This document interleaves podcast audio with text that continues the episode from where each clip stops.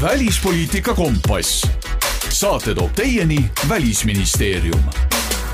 tere kuulama järjekordset eh, episoodi saatest Välispoliitika kompass, täna räägime Euroopa Liidu sanktsioonidest Venemaa vastu ning sellest, eh, kui tõhusalt need töötavad, millised on nendega seotud murekohad ja muidugi, kuidas eh, Venemaa sõjamasinat veel rohkem pitsitada, et nad lõpuks Ukraina rahule jätaksid. mina olen Brent Pere ning mul on täna sel teemal saates külas Välisministeeriumi asekantsler Erkki Kodar, tervist! tervist! Euroopa Liit arutab nüüd juba järjekorras kaheteistkümnendast sanktsioonipaketti, mida veel sanktsioneerida annab? no ikka on veel asju, mida saab sanktsioneerida, et äh, kui vaadata praegust olukorda, siis me oleme kuskil kuuskümmend protsenti oma varasemast kaubandusest äh, nii-öelda Venemaaga juba sanktsiooni alla pannud, ehk siis nelikümmend protsenti on veel minna. Ja arvestades ka seda, et Venemaa oli kuskil viies partner erinevate statistikaandmete nii-öelda näitajate poolest ka siis majanduspartner Euroopa Liidule, et see on päris korralik maht. Äh, kindlasti on seal veel asju, mida ei ole võib-olla ka mõistlik äh, sanktsioneerida, mis alati jäävad mingisuguseks humanitaarerandiks või millekski, aga meil on veel asju teha, näiteks äh, teemantit, nende nii-öelda müüki piirata, mis on Venemaalt pärit, erinevaid gaase, olgu see LNG või LPG, metallitoormeid, töödeldud metalli, ja noh, eks me leiame ka ju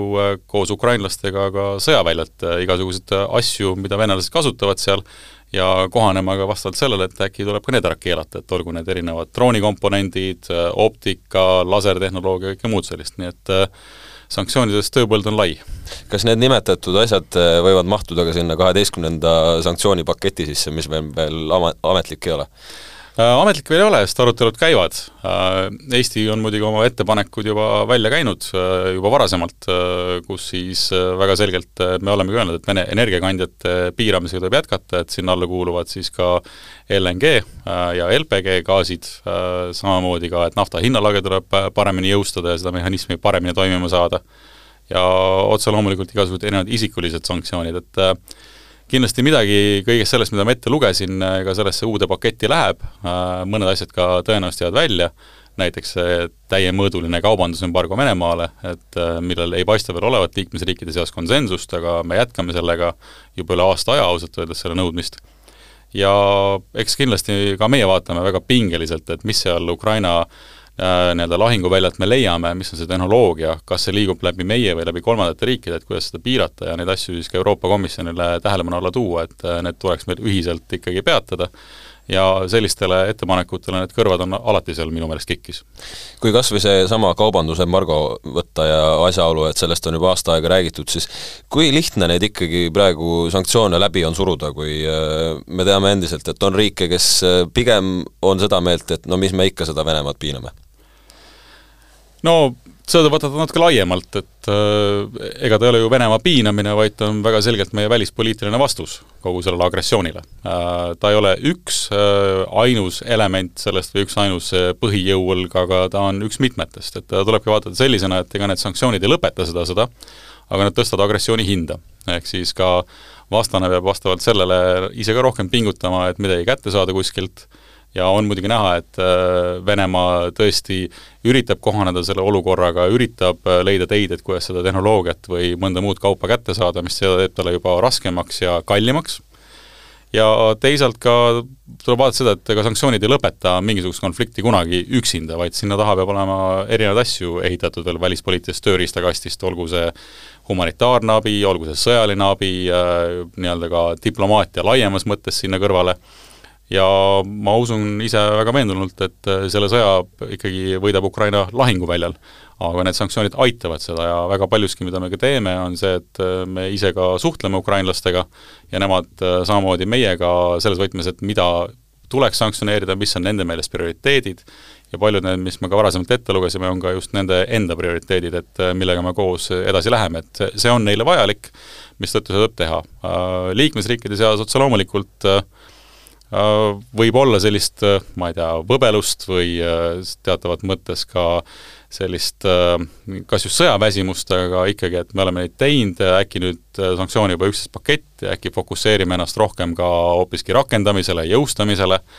aga teisalt nii-öelda nii, nagu vastane kohaneb, peame ka meie kohanema. ehk siis kui leitakse asju, mida me saame piirata, mis omavad mõju siis ka Ukraina enda kaitsevõimele, või võimele üldsegi vastasele vastu hakata, et siis selliseid asju me peame jätkama ja selleks ikkagi minu meelest indu veel on ja ma, ma ei usu, et see viimaseks sanktsioonipaketiks jääb. et otse loomulikult sõja alguses või Venemaa agressiooni alguses tuli neid äh, kõvasti rohkem ja kiiremini, aga ma usun, et äh, mida edasi, seda keerulisematesse valdkondadesse me ka sanktsioonides oleme liikunud äh, ja ka strateegilisematesse, et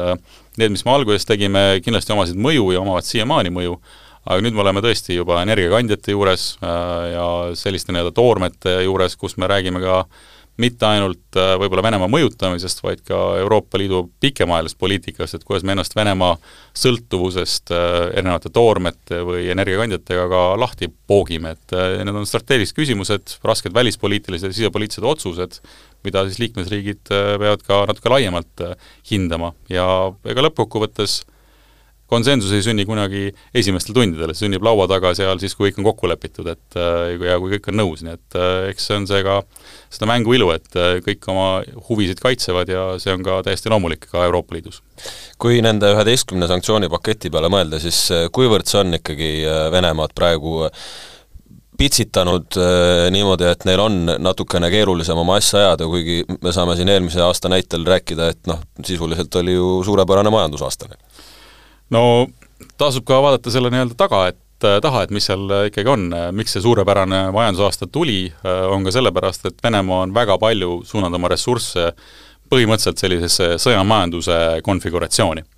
kus siis Venemaa väga palju kasutab oma praeguseid reserve, mis tal on veel võimalik kasutada selleks, et oma majandust üleval hoida, kui me vaatame rubla kurssi, mis ta oli aasta alguses kuskil seal üks euro on seitsekümmend seitse rubla ja nüüd on ta juba üks euro üheksakümmend seitse rubla, no ikkagi on nagu mõju. ja kui baasintressimäär, mis vist ka Vene Keskpank välja annab, on kuskil viieteist protsendi kanti ja, ja antud ka oma ettevõtetele siis ka suurem koormis, et maksu, makse koguda ja kõike muud sellist, et äh, ilmselgelt ikkagi äh, mõjub ja see eelarve on ju defitsiidis, et äh, jah, lühiajaliselt võib ta näidata, et Venemaa majandusel läheb paremini, aga pikaajaliselt sellist äh, olukorda neil ikkagi ei ole võimalik hoida ja samas on ka see, et äh, energiakandjad, äh, mis varasemalt neile väga palju sisse tõid, siis kui vaadata näiteks selle aasta numbreid, siis nafta- ja gaasitulud on tegelikult ikkagi viiskümmend protsenti madalamad kui need aastal kaks tuhat kakskümmend kaks. ehk siis äh, läheme ikka jõudsalt edasi kui äh, mõelda nende samade sanktsioonide peale ja selle peale, et näiteks ka üheteistkümnes sanktsioonipakett ju just oli fokusseeritud sellele, et äh, neid auke lappida, kuivõrd äh, siiski praegu veel on jätkuvalt Venemaal võimalusi nendest sanktsioonidest mõ-, mööda hiilida? see pole ka küsimus ka tegelikult ainult Venemaa suhtes, vaid kõik sanktsioonid või noh, sanktsioonirežiimid, millest me räägime ja laiemalt, neid on kuskil pea viiekümne ringis, et nii Euroopa Liidu kui ÜRO sanktsioonid kokku kõikide puhul esineb sanktsioonide mõttes möödahiilimist või kõrvalehiilimist. Äh, kui keegi suudab ka selle kõigele parema sõna välja mõelda, sõnause mõttes oleks ka tore muidugi, et see kõrvalehiilimine, möödahiilimine võib-olla ei ole kõige adekvaatsem äh, väljendus selle kohta. aga alati on see, et kui riigid või riikide grupp, noh praegu Venemaa suhtes on kuskil circa viiskümmend riiki, sanktsioone kehtestanud või sanktsioonidega joondunud, siis paratamatult äh,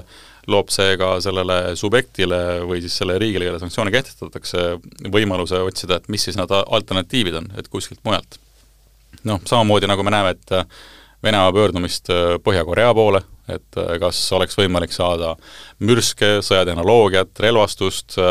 kes ei ole kõige loogilisem partner maailmas, et kelle poole pöörduda sellise palvega, eriti suurriigi poolt, kelleks Venemaa end peab Äh,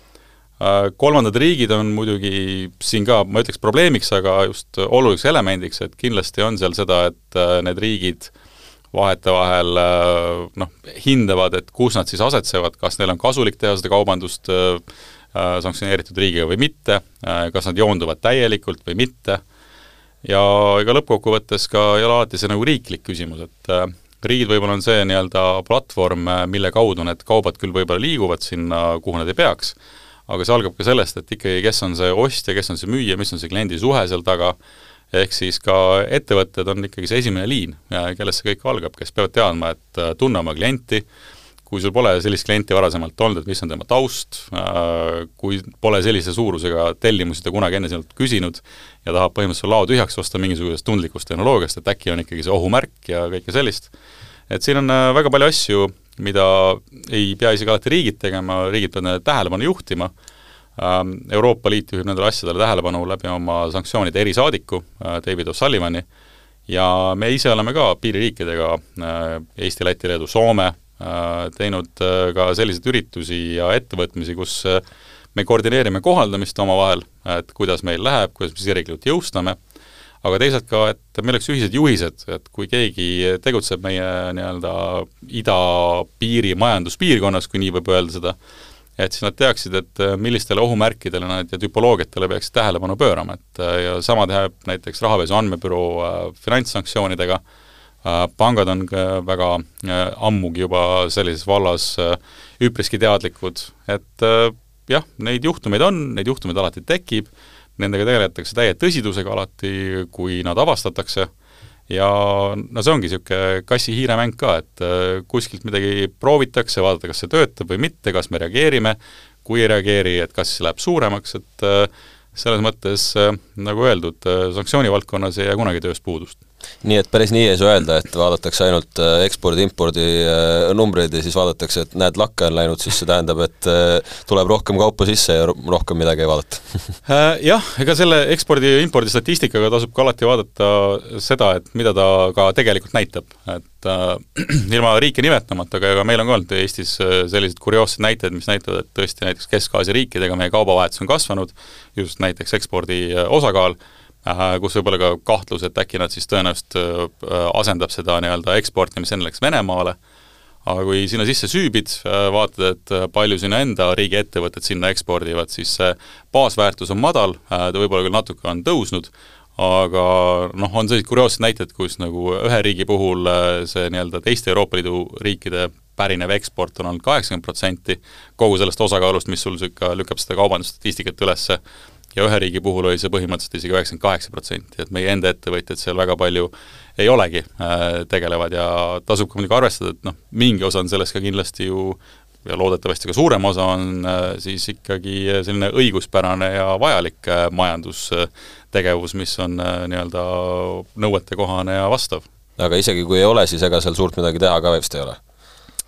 no nii ja naa. Äh,, alati saab seda, et äh, saad sellesse statistikasse süüvida, mida me Maksu- ja Tolliametiga väga hea meelega teeme ja meil on tõesti äh, väga hea koostöine suhe nii nendega siin Eestis ja ka on teada, et meil on äh, väga hea võrgustik just ka piiririikide Euroopa Liidu tasemel, kus me siis täpselt vaatamegi, et mis asjad need on, mis liiguvad, mis asjad on hakanud rohkem liikuma,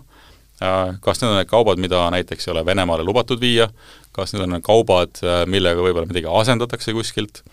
ja sellistel puhkudel ega sealt need meie ettepanekud sünnivadki, et äh, kui me näeme neid anomaaliaid, äh, siis äh, me esitame need ka Euroopa Liidu Komisjonile ja palume, et mingisugused kaubagrupid, olgu need optika või raske, ma ei tea, raskemasinad, et midagi sellist lisada sinna sanktsiooni nimekirja. Ja seda võib-olla ka kolmandate riikide suhtes, mitte ainult Venemaa suhtes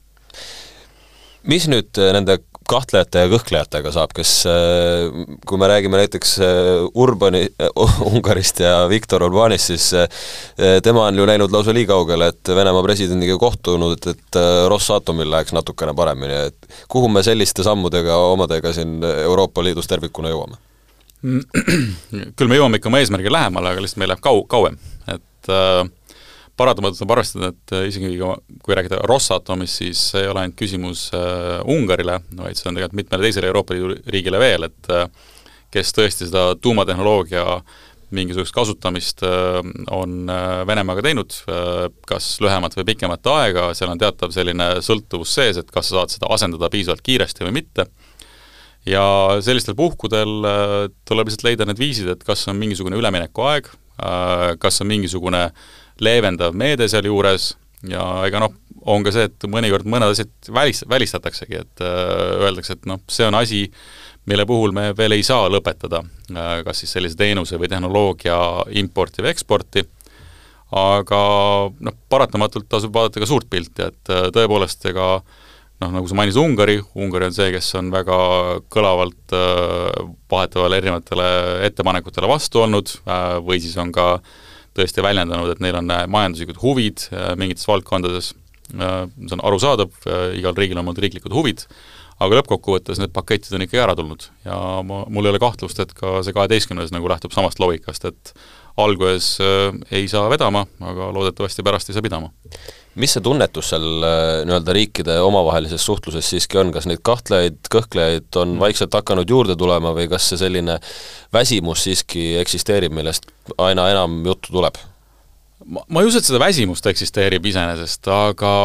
eks siin ikkagi kehtib see põhimõte, et äh, noh, where you stand depends on where you sit, eks ole. et uh, iseenesest, et uh, mida kaugemal ollakse just võib-olla Venemaast uh, ja siin sellest uh, piirialadest uh,, siis uh, sinu tähelepanu võib-olla nende sanktsioonide rakendamisel uh, noh, ongi varieeruv uh,, ma möönan. et et äh, sanktsioonide rakendamine, jõustamine on äh, mitte Euroopa Liidu ühine pädevus, mida Euroopa Liit ise siis nii-öelda tagab ja äh, nii-öelda jõustab, vaid see on liikmesriikide pädevus. meie kõik riigid peame hoopis ise leidma need viisid ja meetodid, kuidas me seda teeme ja eks meie enda tunnetus ohu mõttes äh, ja selle probleemi akuutsuse mõttes äh, on siin äh, mõnevõrra kõrgem, kui ta võib-olla on mõnes natuke kaugemas Euroopa Liidu kohas või siis mõnes Euroopa Liidu kohas, kus sinu naabrid ongi ainult väga rahumeelsed. et sellest tuleb aru saada. Väsimust üldiselt ma ikkagi ei tunneta, seda juttu on tõesti, et, et kas nüüd ikkagi peaks ja võiks ja noh, et nagu Venemaa ikkagi paistab ju hakkama saavat ja kõike muud sellist, aga me oleme selle tee valinud, äh, lõppkokkuvõttes äh, on see Ukrainale eksistentsiaalne, et me toetame neid. ja me toetame neid veendunult, äh, samamoodi nagu nende kandidaatriigi staatusega ja kõige muuga. aga teisalt ka noh, lõppkokkuvõttes on see ka meie endi riiklikes huvides, et paratamatult me saame aru, et see ei ole ainult küsimus sanktsioonidest või sõjaväsimusest, vaid see on laiemalt Euroopa julgeolekuarhitektuurist. ehk siis, kui siin hakkab see nii-öelda lihtsustatult öeldes libisema, siis need tagajärjed meile ei ole soodsad. Äh, ja me hoiamegi äh, ühiselt seda, et seda juhtuks ja et see tulevane Euroopa julgeolekuarhitektuur võtaks me, ka meie huvisid arvesse ja tagaks ka meie julgeolekut, sest äh, see seni on ikkagi seda taganud ja paremat süsteemi välja hetkel pole mõeldud kust need äh, väsimusjutud ikkagi alguse saavad, sest et mul on tunne küll, et viimastel kuudel eriti need aina vohavad ja vohavad minu meelest kiiremini, kui nad kunagi varem selle täiemahulise sõja juures on olnud? ma arvan, et see on ka see, et noh, on läinud aega mööda. Et äh, eks aeg teeb ka siin oma korrektuure inimlikus psühholoogias, et kuidas me seda ohtu ja kriisi tajume. Äh, see tõenäoliselt tuleneb ka sellest, et äh, esimestel sõjakuudel eks meie see üleüldine ärevus ja toetus oli jõulisem ka selle poolest, et äh, kuivõrd õudseid banaalsusi ja labasusi, mida me nägime selle sõjakuritegude ja muude asjadega, me nägime täide viivat ja teisalt ikkagi ka see arusaamine, et Ukraina seisab praegu meie eest, et mitte keegi teine nüüd me oleme üle pooleteist aasta äh, juba selles Venemaa agressioonis äh, elanud äh, ja paratamatult tekib seal sarnaselt nagu koroonakriisiga selline harjumine, et see ongi see olukord. Me ei tohi selle olukorraga harjuda, sest need panused pole muutunud, see nii-öelda mäng käib ikkagi väga kõrgete panuste peale. See, miks seda juttu võib-olla tuleb rohkem, noh, võib vaid arvata, et millisele poolele see kasulik on, et kus see nii-öelda vaikselt äh, Äh, tõenäoliselt käima on läinud, aga noh, see, mis ka mina alati ütlen, on see, et ega meil e, Euroopas, äh, eriti just Euroopa Liidus ja laiemalt äh, üldse Ukraina toetajate seas, ei ole luksust väsida. ainsad, kellel on see õigus öelda, et nad on väsinud sellest sõjast, on ukrainlastel endil. meil ei ole seda nii-öelda õigust. Meie peame vankumatult seisma nende taga, sellepärast et see meie toetus hoiab ka neid Äh, nii-öelda erksana ja valmis seda sõda võitma. kui sellest kaheteistkümnendast sanktsioonipaketist nüüd korra veel rääkida, siis mis see ajakava umbes võib olla, millal see heaks kiidetakse, millal uudiseid sel rinnal oodata on mm.? Äh, see on tänamatu tegevus, kogu see ennustamine, et kui kiiresti Euroopa Liidu masinavärk äh, liigub, et äh, mõnikord võivad asjad tulla väga kiiresti äh,, miks mitte ka isegi pea ootamatult äh,, kui see konsensus on kiire tulema äh, noh, ja teisalt mõnikord läheb aega. et sel aastal meil on siis alles nii-öelda ütleme, teine sanktsioonipakett arutlemisel, aga ma olen siiski optimistlik, et noh, hiljemalt jõuludeks peaks see meil käes olema. et vaatame, kas ma pean oma sõnu sööma või mitte, sest kui ma aprillis rääkisin, et kui tuleb kaheteistkümnes, tuleb ka kolmeteistkümnes pakett see aasta, et noh, seda kolmeteistkümnendat ma enam küll ei näe, et sellepärast ongi selline tänamatu töö aga ma usun, äh, vaadates kõike seda, mida me juba noh, näeme, et suursaadikud arutavad, töögruppides töö käib, et ära ta peab tulema ja küll ta tuleb selle aastanumbri sees. mis meie järgmised äh, ettepanekud, soovitused on, mida nüüd sinna sanktsioonipakettidesse veel panna, kui tõesti tuleb see kauaoodatud kolmeteistkümnes sanktsioonipakett ka, mis oleks võinud juba sel aastal tulla? No eks siin äh, lähtume põhimõttest, et Kartaago tuleb hävitada, et kaubandusembargo nõudmisega me kindlasti jätkame, seda ka sellepärast, et piiririigid, kes siis peamiselt seda kaupade liikumist peavad kontrollima, meil on ka neid äh, meetmeid ja vahendeid vaja, aga me teeme väga palju ka teiste liikmesriikide tööd hetkel ära. et meie olemegi need, kes siis äh, sellisel nii-öelda värava ees seisavad ja kontrollivad, mis võib väravast minna läbi ja mis mitte, et äh, see täiemahuline kaubandusembargo mingisuguste, ma ei tea, ütleme, erinevate eranditega või humanitaarsete kaalutlustega, noh, see kindlasti leevendaks meie tööd ja vähendaks ka meie koormust, et mis võib liikuda, mis mitte, et kui äh, praegu me peame tõesti noh, sadu, kui mitte tuhandeid kaubakoode seal piiri peal kontrollima Maksu- ja Tolliameti poolt. et see on kindlasti üks asi. Äh, peab edasi minema muidugi ka nafta hinnalaega, et äh, ei ole ju üllatus, et äh, meie arvates äh, naft, nafta hinnalagi on praeguses tasemes ikkagi liiga kõrge et äh, Venemaa suudab äh, sealt äh, saavutada päris märkimisväärseid tulusid ja teisalt, millega hinnalaega tuleb juba tegeleda ja loodetavasti no natuke enne juba, kui kolmeteistkümnes pakett, on siis ka selle jõustamine. et kuidas tagada, et ei mängitaks erinevate logistiliste nii-öelda komponentidega seal, et näidatakse äh, et hind on küll hinnalaega kooskõlas, aga nii-öelda transpordikomponent on üle turuhinna nii-öelda, kuhu sisse tegelikult on peidetud see nii-öelda reaalne hind. eks selliseid asju kindlasti on veel, millega tegeleda ja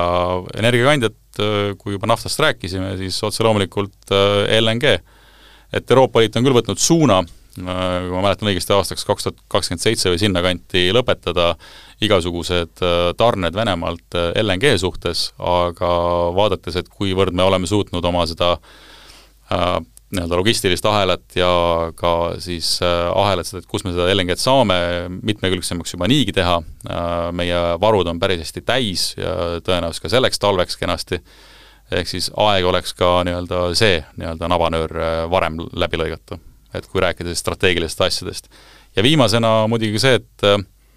ma usun, et kuna G7 on öelnud väga tihti seda lauset oma avaldustes, et kõik Venemaa poolt, Venemaa külmutatud varad, mis meil on äh, erinevates riikides, et need jäävad külmutatuks, kuni Venemaa hakkab kompenseerima kahjusid ja kompenseerib kahjud Ukrainale, et siis sellise nii-öelda avalduse poliitilise statementina meil oleks kindlasti vaja ka saavutada Euroopa Liidus no loodame parimat, neid samme, mida teha, on palju, Välisministeeriumi asekantsler Erkki Kodar, suur tänu täna stuudiosse tulemast! aitäh! Välispoliitika kompass. saate toob teieni Välisministeerium